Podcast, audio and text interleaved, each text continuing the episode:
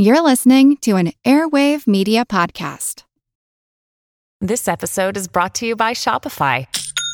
Forget the frustration of picking commerce platforms when you switch your business to Shopify, the global commerce platform that supercharges your selling wherever you sell. With Shopify, you'll harness the same intuitive features, trusted apps, and powerful analytics used by the world's leading brands. Sign up today for your $1 per month trial period at shopify.com slash tech, all lowercase. That's shopify.com slash tech. With the Lucky Land slots, you can get lucky just about anywhere. This is your captain speaking. Uh, we've got clear runway and the weather's fine, but we're just going to circle up here a while and uh, get lucky. No, no, nothing like that. It's just these cash prizes add up quick. So I suggest you sit back, keep your tray table upright, and start getting lucky. Play for free at LuckyLandSlots.com. Are you feeling lucky? No purchase necessary. Void where prohibited by law. 18 plus terms and conditions apply. See website for details. This is Kickass News. I'm Ben Mathis.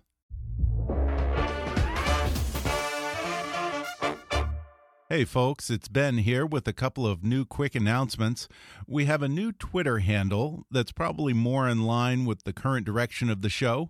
It's at Kickass News Pod instead of the previous name at KA Politics. If you're already following us on Twitter, you don't need to refollow us or change a thing. It'll just update our name in your Twitter feed. So don't be alarmed when you see at Kickass News Pod. It's just me. Also, we're in the midst of raising our production budget for 2017, so if you enjoy the show, I really hope you'll consider showing your support by making a donation to gofundme.com slash kickassnews. And even if you can't do that, another way you can support the podcast is by patronizing some of our great sponsors. Be sure to use the links and promo codes mentioned in our advertisements or get them from our sponsor page because that lets our advertisers know that you're a kick-ass news listener. And it also gets you in on some great offers and big-time discounts just for fans of the show.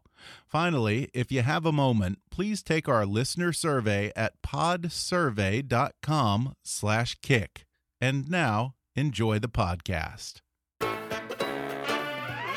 Hi, I'm Ben Mathis and welcome to Kickass News. A few months ago, I did a two part series on the future of artificial intelligence.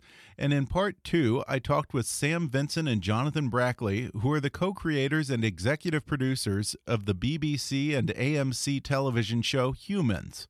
The dramatic series takes place in the near or parallel future, in which people live and work alongside a servant class of eerily humanoid robots called synthetic humans or synths.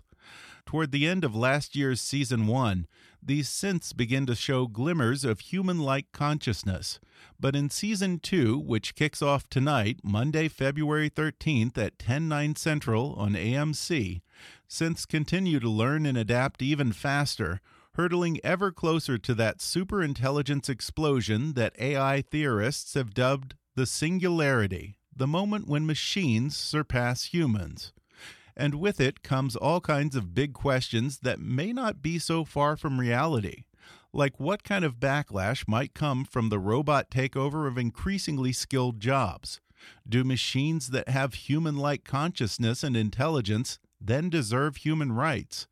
And might computers one day unlock the key to eternal life? Today, I'll talk about those and more when I welcome the creators of Humans, Jonathan Brackley and Sam Vincent, back on the podcast. And then I'll talk with the stars of Humans, Gemma Chan, Tom Goodman Hill, and Sam Palladio.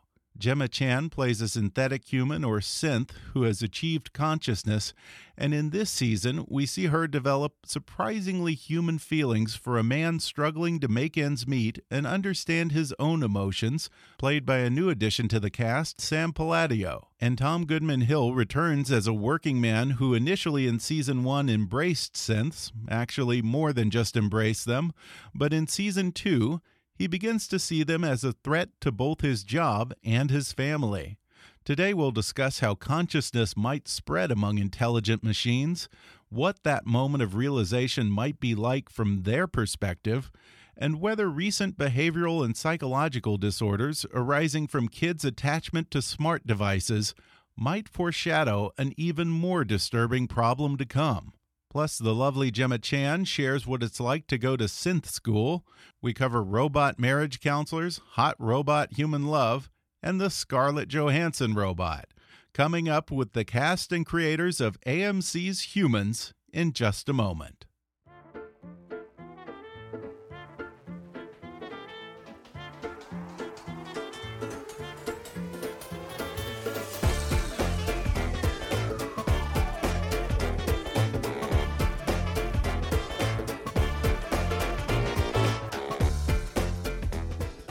I'm happy to welcome Sam Vincent and Jonathan Brackley back to the podcast.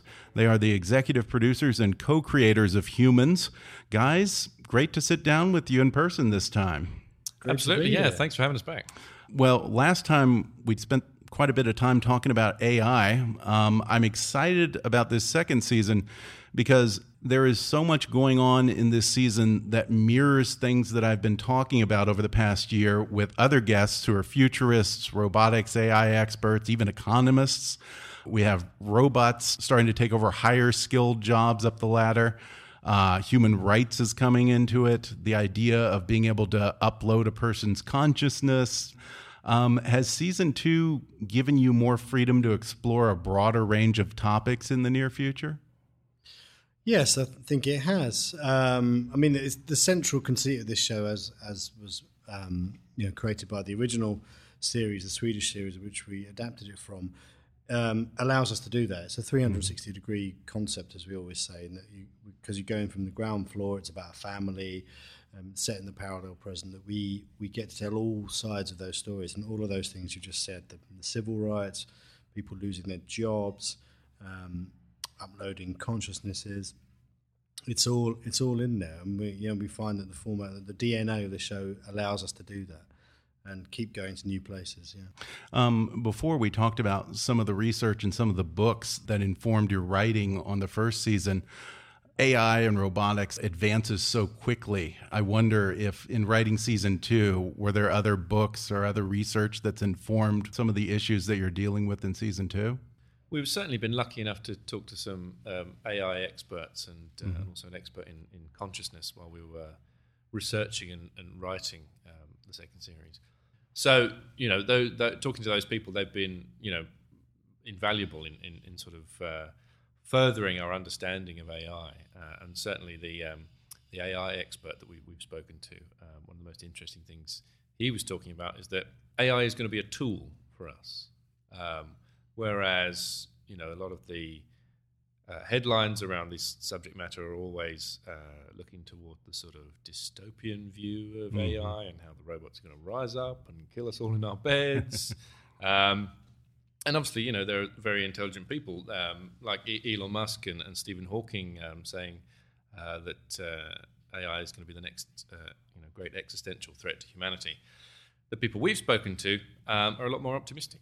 Mm-hmm. Um, it's going to be a valuable tool, particularly for uh, crunching sort of big data. The algorithms they use uh, in AI will be able to sort of sort, understand, and interpret big data to help us fix the world's problems. You know, things like like healthcare, like the economy, uh, like the environment.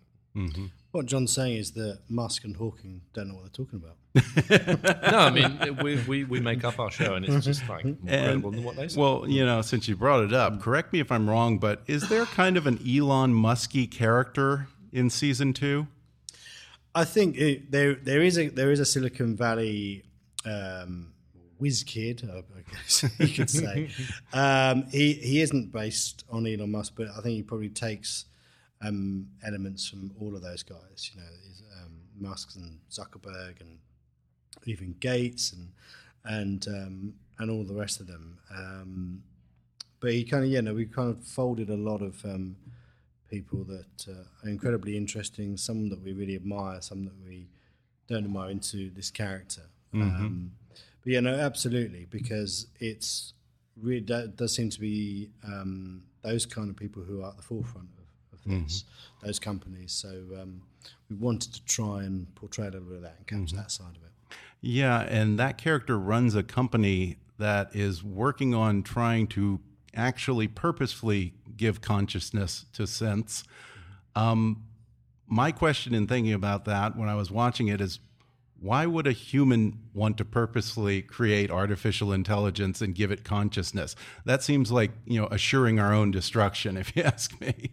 Well, um, I don't know. I think I question that assumption. It's in, I think Yeah? it's interesting. Okay. I mean, does Okay, I'm i- open. Is creating another person, um, if you were creating another human being from scratch, Mm-hmm. would, do, does that necessarily mean that they want to kill you just because you've cre- Right. Maybe Certainly no they- more than do anything else wouldn't- to any other human. Yeah, wouldn't Yeah. they love you as a as your as their creator? That's it's, true. It's a it's an inter- we it's an interesting assumption that we um, uh, you know the other thing is like John says we AI is sort of talked about in sort of the popular press in this in sort of scaremongering terms as Mm-hmm. if it's this kind of self-actuating force and it's almost like people lose sight of the fact this is something we're doing we're making it you know people are making Yeah, it we're choosing um, to it's do not this. coming out of nowhere, which is almost the kind of tone of the discourse around it. That Mm-hmm. it's just coming and there's nothing we can do and we're all going to die. Um, it's it's interesting. I think. Um, I mean, as for why would you create consciousness? I mean, I think that's kind of goes back to sort of Prometheus and uh, things like that. Because if one, I mean, I guess on a getting slightly philosophical and theological about it, if you could create an artificial human, Mm-hmm. um, then you have equaled the achievement of God, right? Yeah. Which is um, there's a nice uh, line in Ex Machina, which is obviously a, a film about these things where they where uh, Oscar Isaac's character is asked why he wants to create uh, conscious machines, and he says, "Well, what do you mean why? Why why wouldn't you? Because you can, you know." On a sort of commercial level, I would say that you may want to grant a synth consciousness because you do, and it's a line that we had in our first season, in that people don't just want to be served; they want to be loved. So think about your relationship with your pet. Um, isn't that about the reciprocity of emotion? The fact that you are loved and it relies on you and loves you unconditionally. So I think there, you know, there's definitely a, a realistic commercial application for Yeah. conscious machines. And that's an interesting area that you're exploring in season two because we are starting to see real synth human relationships. Yeah. Possibly synths falling in love, figuring out what their sexual preference is, even trying to understand sex and appreciate it in a human way as opposed to being used as an object. It's an interesting new world in that yeah, sense. Yeah, I mean, I, I think season two is is is about relationships. Um, if if season one um, was uh, the season that was about families, um, the the human family and the synth family and their interactions, then I think season two is about relationships, relationships between um, humans and synths, between synth and synths, between humans and humans, and all the difficulties, uh, wonderful things, and impossibilities that lie therein. I haven't watched the entire season, but I'm wondering if at a certain point emotionally a synth hits a wall where they can experience a certain range of emotions and attachment to a person, but perhaps maybe they can't quite make the leap to a real loving relationship in the sense that humans understand it, at least. That's Or- an interesting or idea. Alternatively, maybe they feel more. Yeah. You know, hmm. maybe maybe a synthetic consciousness is Okay. a, somehow a, a, a, a greater, more encompassing consciousness than humans. Hmm. Maybe we're the ones that are limited. That's in our interesting. consciousness. You know, in season two, consciousness is spreading slowly like a virus, they say, mm-hmm. which is exactly how AI theorists have indicated that it might happen. But when I've talked to them, they also say that it could grow at an exponential rate. Spoilers. No, we don't, okay, Well, we, we we don't don't wanna get spoil- too many spoilers. Okay, no, no, no, no. Certainly, the, the- yeah, certainly I the mean- prospect of Yeah. uh, an exponential growth um, is is causing some uh, some forces, some agencies Yeah. to Yeah. uh, to, uh, try Okay. and And oppose in- and that. in- try so, there, so is, there is certainly an intelligence explosion, I think, is Yeah. the term they use, um, on the horizon in, in the world of our show. So Maybe- more likely than inertia, I guess. Can we, can we put it that way? it's probably not going to slow Yes. down. Yeah. Okay. Now, um, one thing that we all talked about, I guess about six months ago, is the idea that once you give a machine consciousness, is it then entitled to some kind of human rights? And I was excited to see that that's something that you're exploring in season two. Um, yeah, I mean, it's something we absolutely wanted to get into um, because we, I, guess, we sort of don't see that you could possibly argue against the idea that if, you know, if you could satisfy yourself that machine had some level of consciousness and, and feeling, you would you would then have to explore the question of granting it some sort of rights. Because if we think of consciousness is on a sliding scale, it's not just us human beings that have rights. Animals have rights too, and that is because they have a level of um, consciousness and, and feeling and sensation, and um, and so they're afforded in most countries, you know, a certain level of protections, which is always lesser than uh, than what we have, of course, but is more than nothing. Um, you know, you can't just kill animals willy nilly. Um, just to use the term willy nilly there on the podcast. I wonder if that's the first. Um, and you can't, you know, cause pain to animals for no good reason, etc. And um, that is because we know that they can feel and, and, we have some sort of relationship with them and they have a level of consciousness. Um, so we wanted to get into that. But of course, you know, it is a hugely thorny issue. As soon as you start to consider granting these kind of some kind of protection to machines, you open up a, an incredible minefield. If these mm-hmm. machines are you are reliant on for your economy to work, um, then granting them rights and privileges is going to be hugely problematic and thorny. Um, you know, much as has been exactly the case with many groups of oppressed people mm. over the entire course of human history. You know, they uh, they're, they're you know, pressed into labour, and, and and in order to make that work, you have to um, keep up this idea that they are less than people, that they yeah. are inferior. That's the only way you can justify it. You actually have synths taking over higher skilled jobs in season two, and even synths acting as a couples therapist. Yeah. Um, I was interested in how a non human analyzes and treats human emotions as yeah. a psychologist or as a therapist. Uh, yeah. Uh, explain that to me. Well, I think we wanted, we, um, we wanted to have some fun with that. So we had we had this idea. We thought, oh, it would be funny. It would be funny if they, you know, our human couple had a synth marriage counselor.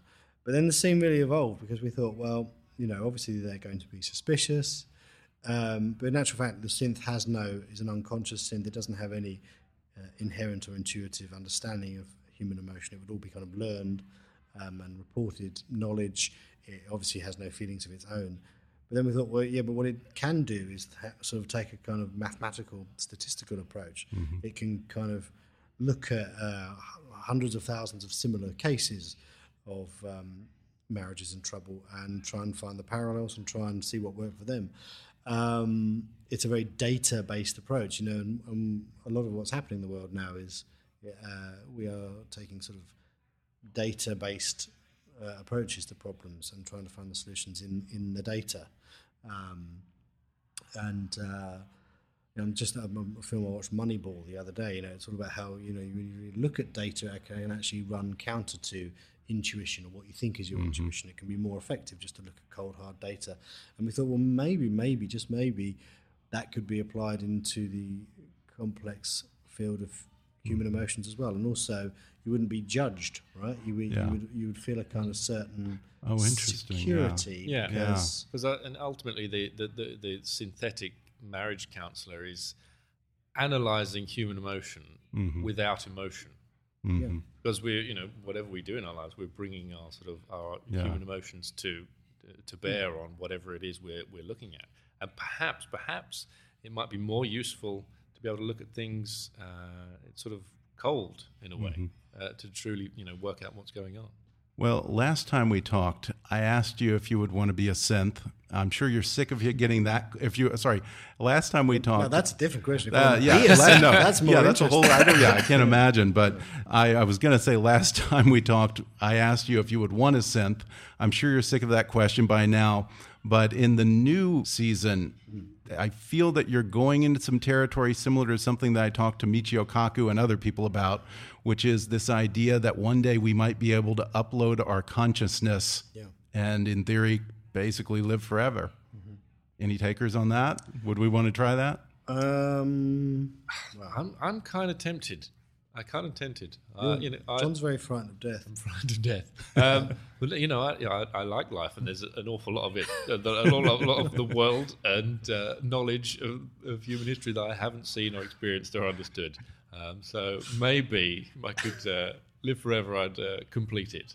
Yeah, complete complete the uh, the world. Yeah, I don't. I don't think that I would. Um, the sort of um, incipient promise of immortality and the idea of uh, uploading your consciousness. I don't think um, I'm very interested in that. Um, I'd love to have a go because it would be fantastic. uh, You know, if I could temporarily put my consciousness into a machine, because it would be amazing to experience the universe like. and, and myself uh, in a completely different framework and context. And how would everything feel? And we explore this. How how is it different? You know, and the different consciousness of, what, of which you speak in the show. They there are moments where it tries to convey how different it is to be it from human. And whilst human beings may be able to feel certain things that, it, that an artificial consciousness can never do, an artificial consciousness can do things and think things that a human being can never do. So there are different approaches. I, d- I don't want to stick around forever in a machine. Yeah? Maybe No? maybe, I'd, maybe if I would like was just woken up every ten thousand years to see what was going on, just out of curiosity, and then go back Okay. in. I Like cryogenics. I don't want to just be rattling around inside Yeah. the mainframe for all eternity. That, that's, that sounds like hell. Okay. Um, before we go, after the last interview, I think I came up with a perfect guest star for you guys, and I've been dying to sit down with you and suggest it for season three here. Hear me out. Scarlett Johansson does a cameo as the Scarlett Johansson robot. What do you think? Right. If she's You you do know the Scarlett Johansson no, robot, I know right? The, the the guy in Japan. I think we might be able to get the robot. Um, Yeah. I think we might not be able to get um, Scarlett. We'll, we'll, she might do it for a lark. We'll reach, you never know. We'll reach out. Yeah, We'll let's reach out. to Let's try and The- make the- happen. well, the question is, which one has a, a broader emotional range? Oh. Oh, I tell you what, um, it would be quite funny because you could see, um, you could say like you know, you could sort of go to the synth store, Persona store, and say you know the new Scarlett Johansson is in, and she could just be standing there, and a character come up and say, you know, well, this the new Scarlett is, they're really getting, they're really almost there with this now. yeah, not Quite. quite. The next quite next generation Yes. will buy one. Yeah. Next version, Yeah, I'm buying 5.0. That would be fun. Well, Sam Vincent and Jonathan Brackley, thanks so much for coming back on the show. Thank, Thank you. It's been a pleasure. We're going to take a quick break, and then when we come back, I'll talk with the stars of Humans, Gemma Chan, Tom Goodman Hill, and Sam Palladio. When we come back in just a moment. I'll tell you, folks, these days you can get practically anything on demand. Just like this podcast, you can listen whenever you want, when it's convenient for you. So, in this on demand age, why on earth are you still living in the 20th century going to the post office and dealing with their limited hours and long waits when you can be getting postage on demand with stamps.com? Anything you can do at the post office, you can now do right from your desk with stamps.com. Buy and print official U.S. postage for any letter or package using your own computer and printer. And unlike the post office, stamps.com never closes, so you can get postage whenever you need it 24 7. I've been wanting to try stamps.com for a while now, so I was thrilled when they wanted to let me try their product. It's super easy to do. You just print it and slap it on your letter or package, and you're done. And if you have a small business, it's so much better than using those clunky postage meters where you have to pay to preload them with postage, deal with all kinds of hidden fees, and get locked into long term contracts. With stamps.com, you buy as little or as much postage as you need, and there are no long term contracts. They've really perfected the art of postage. And right now, use my promo code KICK for a special offer a four week trial that includes postage and a digital scale. Don't wait. Go to stamps.com before you do anything else. Click on the radio microphone at the top of the homepage and type in KICK. Again, that's stamps.com. Enter code KICK. Stamps.com. Never go to the post office again. Folks, when you're constantly on the go, life gets chaotic. You're working late, got to go to the gym, pick up the dry cleaning, pick up the kids. It never ends. And I just don't have time to be running back and forth from the grocery store. That's why Home Chef is my new best friend. Home Chef offers delicious, easy to prepare meals delivered straight to my door with no headaches or hassles.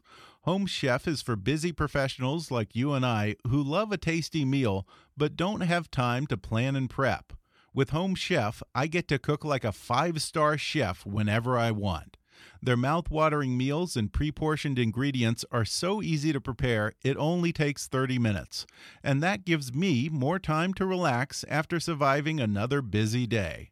In fact, just last night, I had Home Chef's Parisian Bistro steak with dauphinoise potatoes and green beans.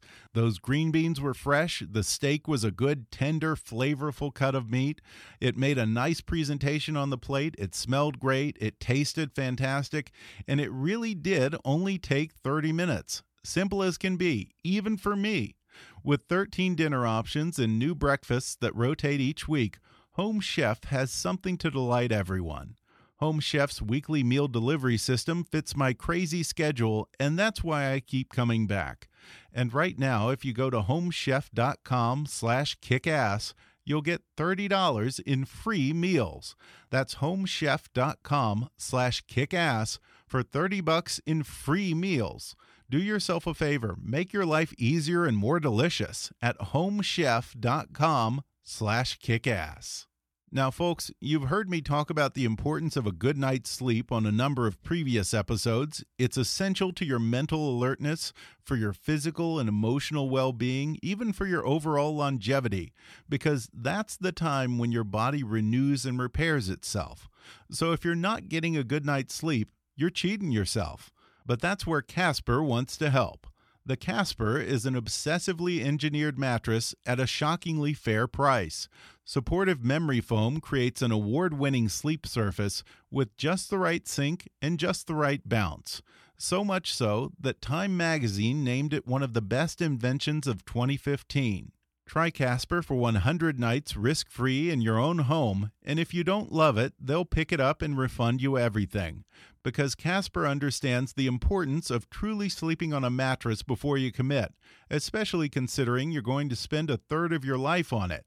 So they even offer free shipping and returns to the US and Canada. With over 20,000 reviews and an average of 4.8 stars, it's quickly becoming the internet's favorite mattress. And right now, Casper has a special offer for Kickass News listeners. Get $50 toward any mattress purchase by visiting casper.com/kick and using the offer code KICK. Terms and conditions apply. Again, that's casper.com slash kick and the offer code KICK. You know, when it comes to cooking, not all ingredients are created equal. Fresh, high quality ingredients make a real difference, so it's important to know where your food comes from.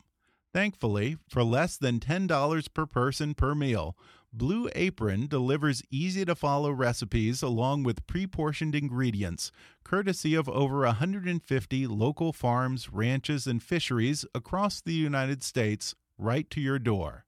And because Blue Apron ships the exact amount of each ingredient required for a recipe, there's no food waste. It's everything you need to make sustainable, delicious home cooked meals in 40 minutes or less. Just some of the meals available in February include cashew chicken stir fry with tango mandarins and jasmine rice, udon noodle soup with miso and soft boiled eggs, roast pork with apple, walnut, and farro salad, and crispy barramundi with quinoa and roasted carrot salad. Check out this week's menu and get your first three meals for free with free shipping by going to blueapron.com slash kick. You'll love how good it feels and tastes to create incredible home-cooked meals with Blue Apron. So don't wait. That's blueapron.com slash kick. Blue Apron, a better way to cook. And now, back to the podcast. I'm talking with Gemma Chan, who plays Mia, aka Anita, an artificially intelligent humanoid robot known as a synthetic human or synth, and Tom Goodman Hill, who plays Joe, who in season two is sort of struggling with being a man in a synth world, and a new addition to the cast, Sam Palladio, who plays Ed, a human in a relationship with a synth. Gemma, Sam, and Tom, thanks for talking to me. Pleasure. Thanks for having us. First, I'd be very curious, Gemma, what is Synth School like? Uh, Synth School is is quite hardcore. Um, it's run by a really brilliant choreographer called Dan O'Neill, and um, all the actors who play synths in the show, whether they're part of the main cast or guest cast or um, or the supporting artists, they all have to go through synth school because there are kind of rules about the movement of synths and. Mm-hmm. And yeah, it's really about stripping back all your normal physical human tics and uh, learning to do um, everything differently in a synth-like manner, uh, which is which is kind of hard. I found it harder the second I think time it would round. be hard. It, yeah, it's surprisingly hard. You do so many things subconsciously that you don't realize that you're Yeah. doing them, um, and it's only when someone points them out you think, "Oh God, I really do." Um, apparently, I have an overactive left arm when I walk. Really? That's what I've been told by Dan. So you're swinging your left arm too much again. You're going to notice it now in the show. I think I Does that mean snuck that your left leg moves more as well? 'Cause No, is it just the left arm. Just the left arm. It's bizarre. I think I once had a woman told me that I had an overactive left arm, and she hit me. But um, that's interesting. So, like, you probably have to like de- like deal with like more simplified motor functions and, and that type of thing, or how complex is it? Well, I mean, there are two sides to, to playing a synth, um, or two challenges, I, I would say. And one is the physical, which is um, because every movement uses up the equivalent of battery power, there's no movement that doesn't have a purpose. So Oh, everything is is graceful and simplified. And, um, you know, if I was going to pick up that glass of water and I put it back down on the table, like it, you can't, it wouldn't wobble in any way. It would you put it straight down the, the, the shortest route? Um, you, the, you wouldn't be left or right-handed, so I had to learn how to be ambidextrous, um, and so on. And we also decided that the eyes lead all of the movements, so it's the opposite of what a human would do. Um, if someone calls your name from behind you, you might start to turn your body, then your head, and then your eyes would, might be last. Whereas we decided with a synth that the eyes go first, then the head, then the body, and that in itself is very Oh wow! Weird um, to see, and, and that and just Yeah. that small detail, um, you know, gives you that sense of these things not being human. And then the other side of the challenge is obviously playing a synth that has. Um, human-like emotions, but that are you know repressed beneath the surface or coming through to varying degrees. And it was finding a way of how can you express that without being able to breathe too much or cry too much or blink Yeah. too much. So, uh, yeah, it was it was definitely a challenge. Yeah, and in season two, you do have consciousness, and you actually start to form an emotional attachment to Sam here, who plays Ed, a human. And you seem to have romantic feelings for him. Now, I would think as a robot, that would be considered a waste of energy. Ah, well, that's well, that's the thing. Yeah, what what are, what are, what's the purpose of, of emotions and, and the rest of it? That's something that the show explores definitely.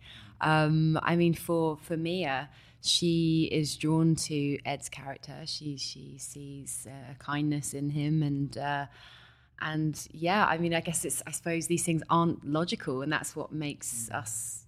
I suppose to be human is to be sometimes, yeah, illogical and um, um, yeah, I can't. I can't really explain well, well, you know, Sam, I mean, nowadays, you know, they're already working on robots that can be love partners or physical partners and so forth. Uh, what is that like for your character? It's, How- how do you it's- form that connection? It's exciting because it's a very new um, area to explore. You know, Mm-hmm. something that hasn't really been explored within the, the framework of humans. You know, uh, within the, the, the character arcs there. So it's it's it's all it's new. Um, you know, Ed is a is a guy who hasn't really uh, grown up around synths. You know, we decided that that that Mia really is one of the first synths he's had a lot of contact with. So, um, in that sense, he treats her with humanity. You know, he sort of treats her with uh, respect, and you know, and, and she sort of becomes his confidant. You know, um, and, and as he's going through a lot of a lot of kind of um, family troubles and financial burdens and things. Um, so it, it's sort of easy for him to humanize her, and then when it when it is revealed, you know, further down the story that she is sentient and that she has she sort of reciprocates these feelings. It's just this new weird gray area where you know he, he you know he's been repressing his uh, his attraction um, and doesn't quite know what to do with that. And when presented with this, uh, you know, uh, this affection, it's just it's a it's a really interesting dynamic. And I think you know in the real world we're we're trying to work that out. So I'm trying to work it Yeah. out as an actor and Yeah. as, how Sam would react to that. And Yeah. um, you know, I think it, it created some very interesting um, story. Yeah, and it's interesting territory because you know right now all of the talk that there is of robots you know, in terms of human relationships essentially it's boiled down to a, the equivalent of a motorized sex doll and on your show there's some of that uh, in that outsiders are skeptical of the relationship they look at it as something perverted or something kinky and the idea of having a more emotional attachment to a machine it's almost a stigma against it i guess Yeah, yeah. I mean, it's it's funny. You look at um, people who are obsessed with their cars, you know, Mhm. and, and and wanting to polish and clean and make you know the the um, Yeah. that's the sort of object of their affection, and um, you know it. It translates. These are very intelligent cars, for want of a better explanation. Yeah. Um, Yeah, yeah, we get attached to machines. That's just how it is. Um, some more than others, I guess. But um, Tom, your character Joe Moving swiftly on. um, began as kind of an early adopter of synths uh, in the first season and that kind of technology. But in season two, you're growing increasingly wary of technology. It seems uh, you're grappling with issues that I've kind of read about that have been presaged in Martin Ford's book Rise of the Robots, jobs being outsourced to robots and mass unemployment. I feel like we're watching Tom slowly turn into like an alt right Trump supporter. Maybe is that yeah, where I he's mean, headed? I, I, he's not. He's not that. Uh, Okay. he's not that bad. He's he's. Uh, I think what the problem with Joe is that he can't. Uh, he can't deal with an emotional attachment Mm-hmm. to a machine. So he, when he uh, when he, uh, you know, has relations with Anita in the first season, it's because he he he thinks that Anita is just a machine, and Mm-hmm. uh, what he can't cope with is then confronting her as Mia and seeing that she has a whole emotional makeup, and he just doesn't want to think of synths as being capable of that, and Mm-hmm. uh, he eventually accepts it, but he can't deal with it, and so it's not so much that he's you know, fascistic in his attitude. It's just that he doesn't think it's healthy for human beings to have to deal with it, and he's concerned about the future for his children and for, you know, Mm-hmm. Right. for Pixie in particular, for Sophie's character, for Sophie. yeah, It's interesting you brought up like Martin Ford and, and his book, which Yeah. I, which I've read. I've interviewed him actually. Really? I, Oh, you have? Uh, yeah, I, I made a documentary about uh, the impact of, of AI on our Oh, how lives at the moment. And you know, he, he said something which was kind of terrifying that that thirty percent of the jobs in the UK market will just won't exist in Mm-hmm. Yeah. ten to fifteen years time, or some, something crazy like that. And like that is a huge, huge thing to Yeah. happen. It's happening at the moment, increasing automation. Mm-hmm. This is something we're going to have to deal with as a society, and we haven't figured out what we're going to do. There just will not Yeah. be enough jobs. We can talk about, you know, people are concerned about immigration and all the rest of it, but there just won't be there won't be enough work for for us to do, and that will have huge economic impacts on hmm. everyone. Anyway, it, our show touches on that with Joe's frustrations with mm-hmm. him being made redundant at work, and Yeah. um, all of that. I think, um, yeah, it all seems very um, Yeah. pertinent to what's going on for us. I mean, Yeah, we're going to have really to face cheery up to that. guy, I isn't know, I know. I finished talking to him. It's just like, okay, great, good, yeah. yeah, but but yeah, in season two, you do see robots taking over the higher skilled jobs, even working as therapists, and you're t- replacing you as a manager. Well, you know, somewhere Joe where is- you're Joe building made- relationships. Joe is made redundant by synths, Yeah. talking to other synths. There's not Yeah. even a human involved in his redundancy. Yeah.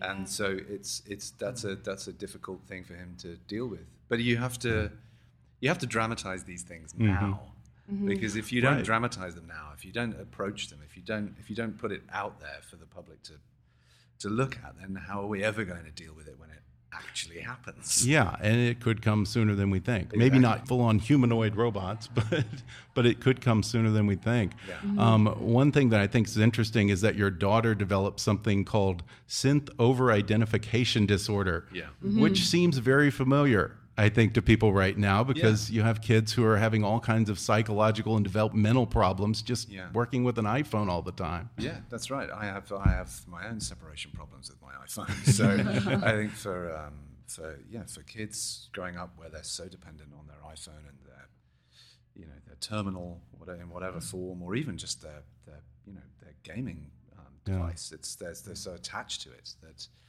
uh, if you get to the point where they literally can't be without it, you're you're on a hiding to nothing. Really. Yeah. You're going to be in trouble if that's the way you're going. I think it's such an interesting storyline actually in, in season two. What's happening with Sophie, the youngest Yeah. daughter? I mean, Yeah.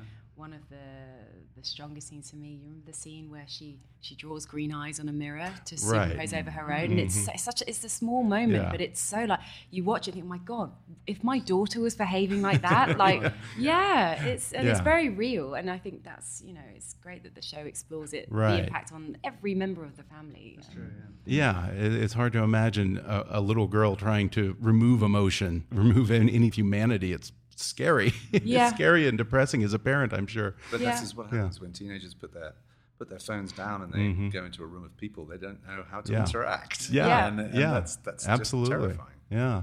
Well, we were talking about the Martin Ford book, and you know, I've had so many AI theorists and experts on the show.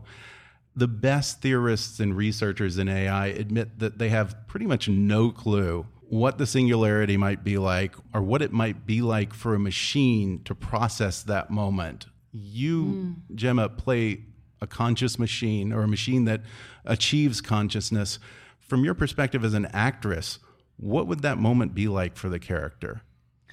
Well, the thing about Mia is, is that she was created to be conscious from the start. Um, so I suppose for her, um, the big moments are when something's happened to her and she's been there's been programming on top of that to repress her consciousness so she's not it's not consciousness is not something that she's gained gradually i suppose in season two you do meet synths who who achieve that moment of the singularity um, and yeah, Yeah, that's and, so and there Yeah. are some drastic consequences. yeah, there are there are some very very interesting Yeah. repercussions actually Yeah. because you know something or uh, some achieving consciousness all at once, Yeah. um, having to deal with having all the memories that, that didn't have any emotional attachments, and then and then having all of that Mm. kind of um, and happening at the same time. I think.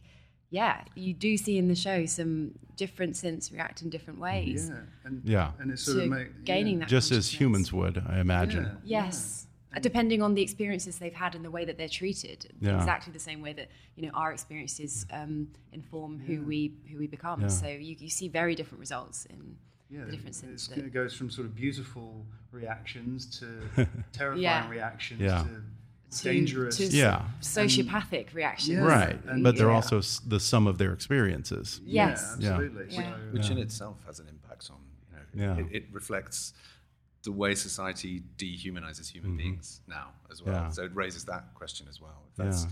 when you see the different impacts on the synths in the show you think to yourself well we're doing that to human beings as Yeah. well so it, it, it raises questions that are outside of the pure ai things Yeah. Um, Gemma, when you play this character, particularly when you play the synth uh, that's pre-conscious or before, or when you go back to being uh, non-conscious, what is that like when you finish a scene? Is it exhausting when you come out of that headspace? I mean, do, do you sit with the rest of the cast at lunch, or No, are you separated? How, what is it like? recharges. Yeah. um, I, I mean, for me, I, I love being able to play the two different sides of the character, Mia and Anita. And um, I think Anita, and weirdly, although she's meant to not have any emotions, for me, she has her own kind of personality. She, there's something, um, I don't know. There's there's there's something in that in that Anita persona that I find very enjoyable to play, um, and switching between the between the two is is great.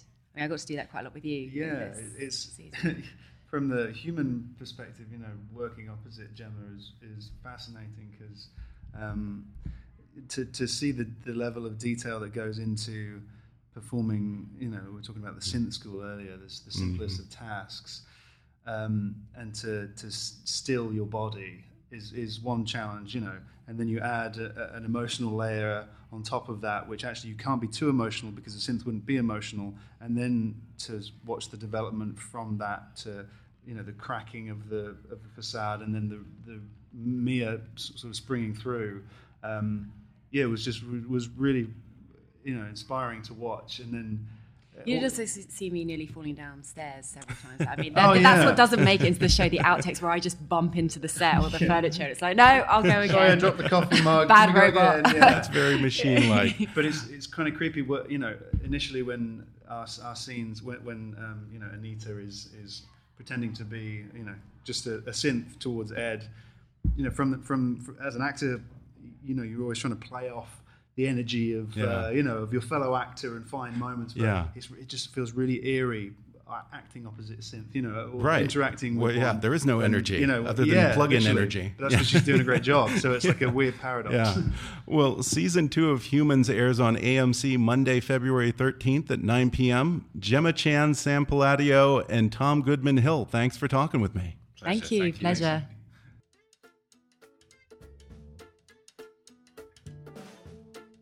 Thanks again to Home Chef for sponsoring today's episode. With Home Chef, I get to cook like a five star chef whenever I want. Their mouth-watering meals and pre portioned ingredients are so easy to prepare, it only takes 30 minutes. Craft a delicious meal that you're guaranteed to go wild for. Go to homechef.com slash kickass now and you'll get $30 in free meals. That's homechef.com slash kickass for 30 bucks in free meals. One more time, homechef.com slash kickass.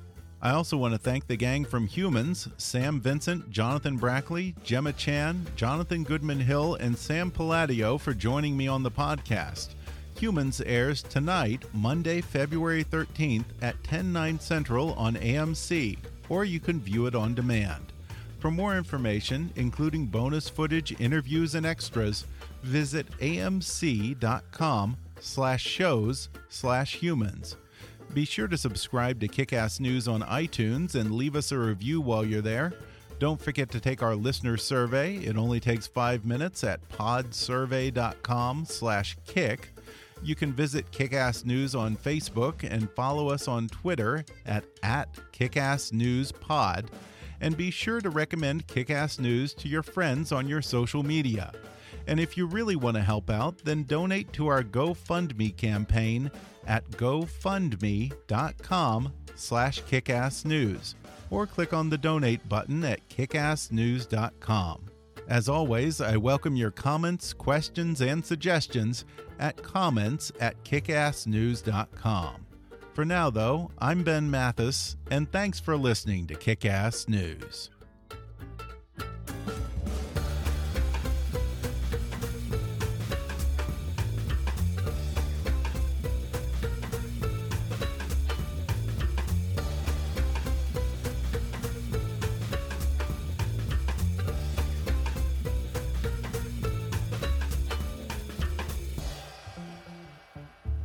Kickass News is a trademark of Mathis Entertainment, Inc.